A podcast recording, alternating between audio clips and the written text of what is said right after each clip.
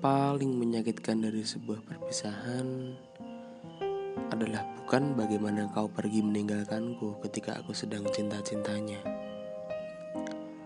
Tapi ketika muncul hentakan-hentakan kecil di kepala yang meletup-letup dengan sangat menyiksa. Seakan ada yang menghantui hariku semenjak kau memilih untuk pergi. Aku bangun di pagi hari dan melihat tak ada satupun pesan dengan namamu di sana. Tak ada notifikasi-notifikasi yang membuat pagiku sering diselingi senyum-senyum sendiri.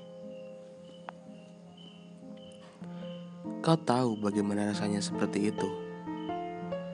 Dan setiap aku memejam, kau dengan sialnya hadir dengan membawa jutaan kenangan bahagia.